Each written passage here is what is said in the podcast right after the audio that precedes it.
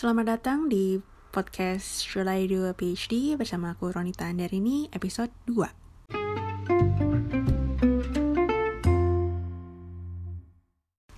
Halo semuanya, terima kasih buat teman-teman yang sudah kembali ke podcast aku yang ini. Uh, ini episode 2 dan kali ini aku mau membahas tentang apa sih PhD itu uh, dan aku juga bahas um, perbedaannya antara S1 sama S2 tapi ini um, penjelasan perbedaannya itu menurut pengalaman aku ya. Jadi mungkin uh, teman-teman juga bisa cari-cari sendiri sebagai tambahan. Dan jangan uh, anggap kalau aku tuh super pintar kayak gimana gitu. Well um, untuk cerita awal ini udah hari ke-11 dari lockdown di New Zealand dan tadi aku ke sempat ke supermarket uh, Asia untuk beli beras sama beli bahan-bahan yang jarang banget didapatin di supermarket umum. Nah, pas sudah ngantri, uh, tiba-tiba masnya bilang kalau hmm, Anda nggak boleh masuk kalau misalkan nggak pakai masker. Oke deh, jadi kita langsung pulang. Uh, jadi saat ini precautionnya atau kehati-hatian dari orang-orang yang masih bekerja itu segitunya ya sampai kasirnya itu pakai hazmat suit juga. But ini kan tujuannya baik sih untuk melindungi diri sendiri dari penyakit karena siapa sih yang mau sakit? Apalagi ini penyakit COVID-19 ini emang belum ada vaksinnya kan jadi emang um, kita mesti berhati-hati untuk melindungi diri kita dan juga untuk menghentikan spreadnya ke mana-mana. Well itu pembukanya. Jadi kita lanjutkan ke topik utama kita.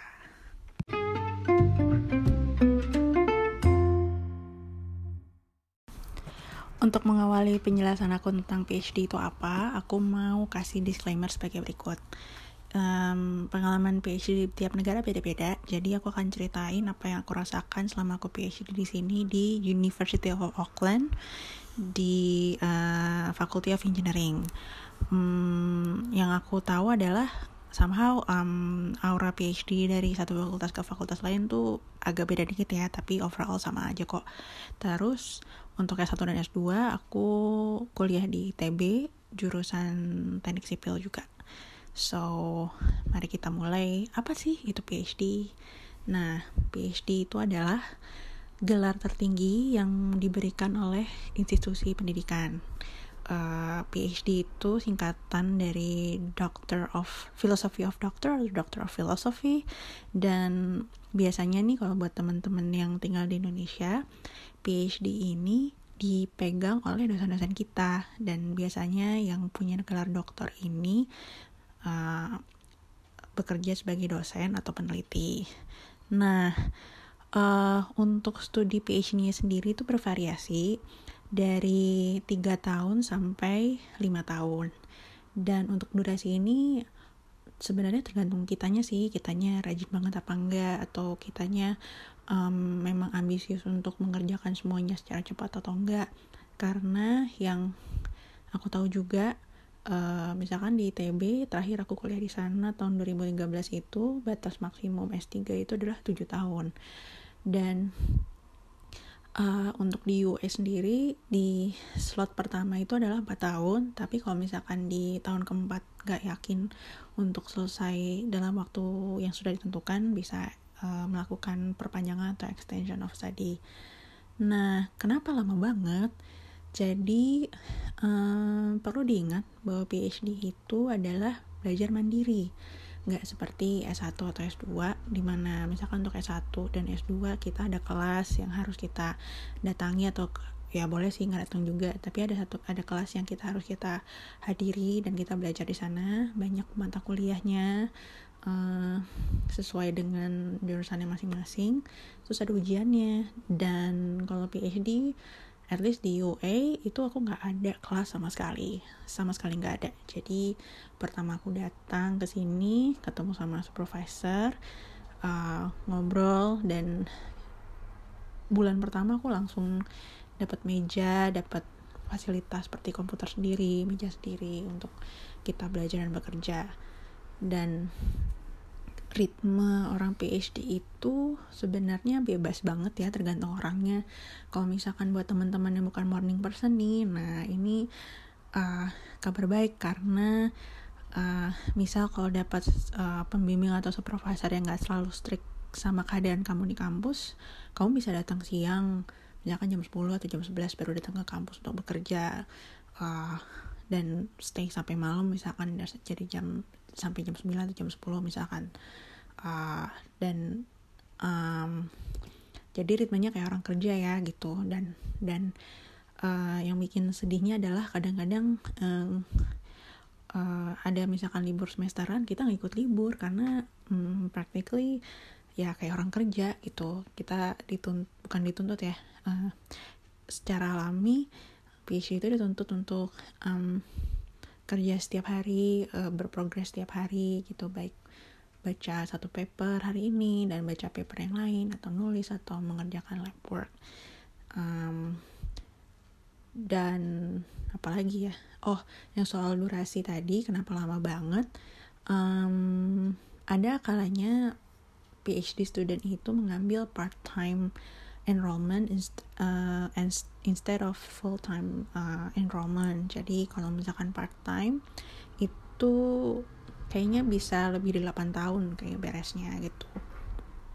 It sounds it sounds scary but hmm, kalau menurut aku pribadi sih uh, enggak ya karena Indian PhD will be your life gitu. Bukan uh, aku ngerasa bahwa PhD ini tuh udah masuk mendarah daging. Jadi somehow pas weekend aja tuh tidur nggak tenang gara-gara masih kepikiran aduh ngelap hari Senin tuh gimana ya? Gitu persiapannya gimana segala macem.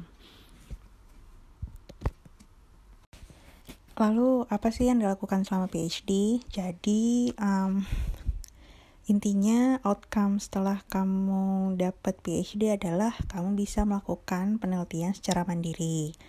Dan penelitian itu nggak nggak cuman uh, ngel, uh, melakukan pekerjaan laboratorium lalu beres udah gitu. Cuman um, ternyata untuk melakukan penelitian itu kita harus benar-benar berhati-hati untuk menentukan apa yang akan kita bahas. Satu hal yang harus diperhatikan adalah keterbaruan. Jadi um, buat teman-teman yang ingin um, atau ingin PhD atau berpikir untuk uh, melakukan PhD adalah make sure atau um, coba yakinkan bahwa topik kamu itu masih banyak yang bisa dibahas atau digali. Karena pada intinya apa yang kamu kerjakan di PhD study itu adalah filling the gap knowledge. Filling the gap knowledge. Jadi artinya uh, harus dicari sesuatu yang gak pernah dibahas oleh uh, researcher researcher yang lain di belahan dunia lain gitu. Nah, tahap yang dilakukan untuk melakukan PhD itu sebenarnya simple loh. simple tanda kutip. Jadi yang pertama itu literature review, lalu yang kedua eksekusi um, laboratorium work atau numerical work kalau misalkan nggak melakukan eksperimen. Lalu yang ketiga menulis atau presentasi uh, terus yang keempat uh, tesis submission sama defense. Nah stepnya sih itu aja sih. Cuman um, kita bahas dulu dari literatur ya. Literatur review itu harus um, dilakukan secara baik-baik. Dalam artian uh, kita mengumpulkan paper-paper atau jurnal-jurnal yang berkaitan dengan topik research yang akan kita lakukan selama empat tahun ke depan. Um, dan kuncinya di sini rajin baca sih. Dan uh, waktu pertama kali aku harus membaca paper aku struggle sangat gitu. Karena yang pertama uh, aku emang orangnya nggak biasa baca um, baca novel gitu nggak jadi aku nggak biasa skimming. Hal yang kedua adalah bahasanya bahasa Inggris. Nah perlu diingat bahwa bahasa Inggris yang akan kamu hadapi di jurnal itu adalah bahasa Inggris yang berbeda. Academic writing dengan pilihan kata-kata yang kadang cukup asing dan um, satu jurnal satu paper itu mengandung banyak sekali informasi-informasi yang sangat padat. Dan meaning dari paper yang kita baca itu nggak hanya tersirat doang tapi juga tersurat gitu. Dan uh, pada tahap literatur review ini um, kita sebagai PhD student tuh harus berlatih untuk bisa membaca secara kritis dan mengambil kesimpulan tentang apa yang kita baca. Dan hal itu harus kita tulis ulang di suatu manuskrip yang namanya literature review untuk menyusun argumen-argumen uh, tentang apa yang akan dilakukan di depan. Jadi jangan sampai misalkan kalau uh, kita udah masuk tahap 2 nih, misalkan tahap eksperimental um, tes atau tes eksperimen. Kita udah beli bahan-bahannya banyak banget.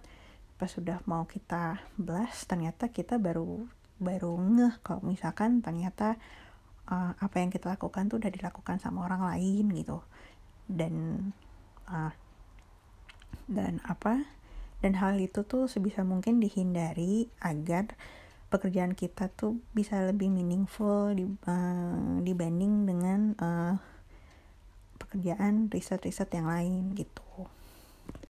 Nah, setelah literature review, tadi aku bilang step berikutnya adalah experimental test atau numerical test atau apa pun lah itu. Ini menurutku adalah salah satu tahap yang paling uh, menghabiskan waktu tanda kutip menghabiskan waktunya kayak gimana. Um, uh, untuk lab ini tuh banyak banget faktor yang terlibat yang menentukan apakah uh, eksperimental ini berjalan sesuai dengan rencana apa enggak? Uh, ini aku cerita pribadi soal aku ya. Um, aku itu um, risetnya tentang kayu.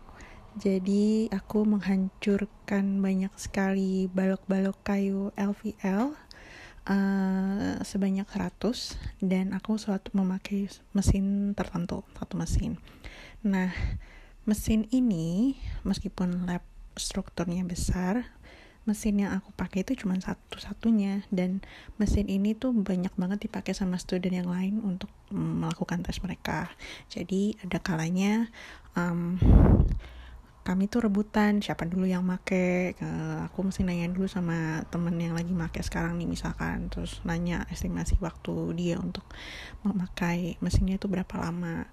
Um, ada kalanya juga misalkan kita udah nungguin teman kita yang lagi pakai mesin ini tapi ternyata setelah, setelah satu dan lain hal uh, waktu yang dibutuhkan jadi molor. Misalkan mungkin karena mesinnya rusak atau tiba-tiba uh, spesimen atau um, benda yang akan ditesnya telat datang atau gimana. Jadi uh, waktunya bisa lebih panjang lagi dan waktu tunggu kita lebih panjang hmm, selain faktor mesin selain itu juga faktor beli barangnya sih. Dan kalau beli barang kan butuh uang. Nah um, kalau misalkan di University of Auckland kita sebenarnya punya dana riset yang uh, kita punya karena kita bayar tuition fee. Dan proses uh, untuk mencairkan dana untuk membeli juga nggak bentar um, butuh beberapa hari dari awal kita request sampai barangnya datang tuh bisa 2 sampai 3 minggu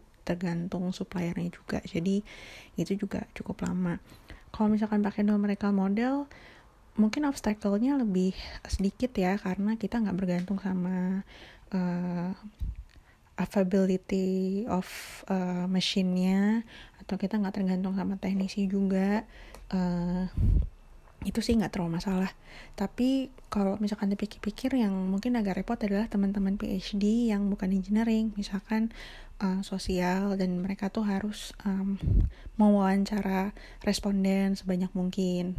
Nah ini salah satunya karena COVID-19 ini banyak banget teman-teman yang terhambat studinya karena uh, bahan atau bahan atau data yang mereka perlukan itu dari orang dan mereka harus ketemu orang dan otomatis untuk sekarang nggak bisa dong karena physical distancing dan social distancing ini. Jadi itu cukup menantang. Lalu yang ketiga menulis dan presentasi. Um, menantangnya mungkin pas awal karena kita belum pernah um, intensif banget untuk menulis secara akademis. Cuman uh, lamban laun uh, lamban laun karena sering nulis kita bisa kok gitu dan empat hal yang aku bilang tadi kayak literature review, experimental test atau numerical test atau pengambilan data.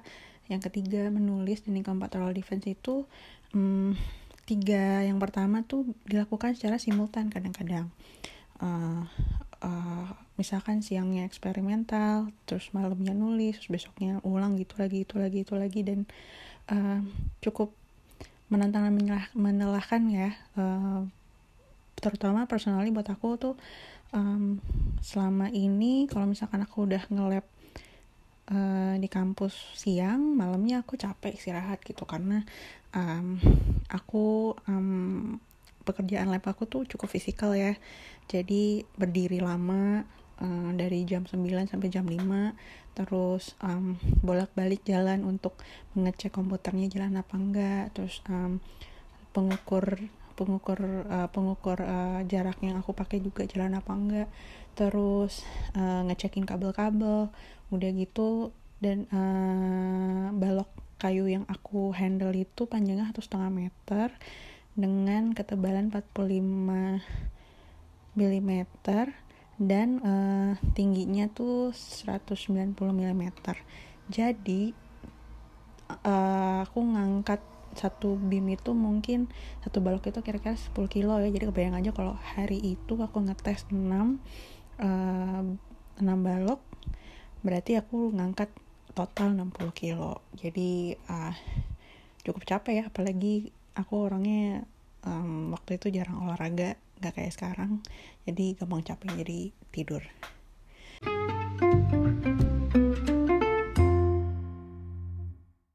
Nah, pembahasan berikutnya adalah tentang perbedaan antara S1, S2, dan S3. Ini dari kacamataku ya. Kalau misalkan S1, goalnya adalah untuk uh, memahami pengetahuan-pengetahuan dasar dari jurusan-jurusan uh, yang uh, kamu pelajari. Misalkan untuk kalau misalkan teknik sipil berarti selama S1 tuh kita belajar tentang struktur, tentang bahan-bahannya, terus um, lalu tentang tanah, lalu tentang transportasi, tentang uh, manajemen sumber daya air dan segala macam. Saat kamu lulus S1 diharapkan kamu itu uh, bisa um, menyelesaikan masalah-masalah simple tanda kutip. Masalah-masalah yang uh, sudah umum terjadi di uh, jurusan kalian atau atau uh, major kalian masing-masing sehingga uh, nanti kalau misalkan kamu bekerja di bidang itu kamu udah tahu caranya gimana gitu. Dan um, intinya kalau kasarnya S1 itu tuh keluarannya kamu tahu ngitung gimana gitu. Udah titik. Nah untuk S2 um, yang kurasakan adalah uh, S1 itu S2 itu ada kelas juga kayak S1 cuman kedalaman mempelajari sesuatunya itu lebih dibanding S1 dan misalkan kalau kita ambil contoh untuk teknik sipil uh, aku sempat bilang kalau teknik sipil itu belajar macam-macam dari tanah dari struktur dari uh, transportasi dari air. Untuk S2 ini kamu nggak belajar semuanya secara dalam tetapi kamu memilih satu cabang uh, kelompok keahlian dari um, jurusan yang kamu pelajari. Misalkan kalau aku uh, mengambil uh, cabang atau kelompok keahlian struktur. Jadi selama S2 aku mempelajari lebih dalam tentang apa yang sudah aku pelajari di S1. Um, dan untuk produk akhirnya, uh, produk akhirnya adalah tesis. Uh, agak mirip sih dengan um, disertasi S3, cuman di sini karena time frame-nya jauh lebih pendek, um, kaj, uh, kajian yang dilakukan untuk tesis ini nggak sebanyak uh, uh, kajian yang dilakukan oleh S3 gitu. Meskipun uh, waktu aku S2 itu faktor keterbaruan juga di diangkat gitu. Nggak seperti S1 lalu um, dan karena waktunya lebih pendek itu um, tuntutan untuk seberapa seberapa bagus atau seberapa perfectnya nggak nggak terlalu dituntut tinggi gitu karena um, karena ya waktunya yang pendek itu dan pengalaman risetnya juga masih awal uh, masih awal jadi uh, hasil yang diharapkan itu tidak setinggi kalau misalkan uh, kita belajar untuk PhD. Nah, itu sampel untuk di Indonesia ya. Cuman yang kalau misalkan S2 di Auckland yang aku lihat, uh, durasi S2 mereka itu satu tahun bukan dua tahun. Dan mereka itu harus milih kayak um, research master student by course atau kuliah atau master student by research nah ini kalau misalkan master student by research saat mereka memulai uh, studinya mereka langsung dicemplungkan untuk melakukan riset uh, selama setahun which is sangat pendek ya gitu. Dan um, dan uh, seperti yang aku bilang tadi uh, kejarannya atau kejaran produknya tuh ekspektasinya nggak setinggi kalau misalkan kita S3 nah um, untuk S3 sendiri S3 itu uh, enhancement dari S2 jadi kadang ada temen yang uh, kadang ada cerita yaitu temen aku tuh ada yang uh, sudah melakukan S2 di sini tapi karena topiknya masih banyak yang bisa digali lagi dia tetap memakai topik yang dia uh, topik yang dia bahas saat S2 dan dilanjutkan ke S3 gitu.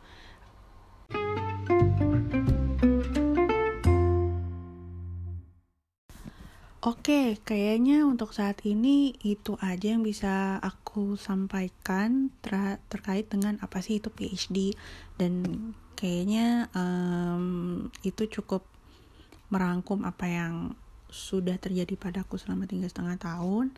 Dan untuk perbedaan satu sama S2 itu aja sih yang kepikiran dari aku tapi kalau misalkan teman-teman ada yang udah denger dan masih punya banyak pertanyaan apa sih bedanya satu S2 sama S3 uh, eh, bisa kontak aku di email ronita.andarini at gmail.com R H O N I T A ya jangan lupa. Atau bisa uh, eh, DM aku di Instagramnya at R H O N I T A atau Ronita. So I hope this episode uh, is well for you. And then see you on the next episode ya. Stay healthy and stay safe. Bye.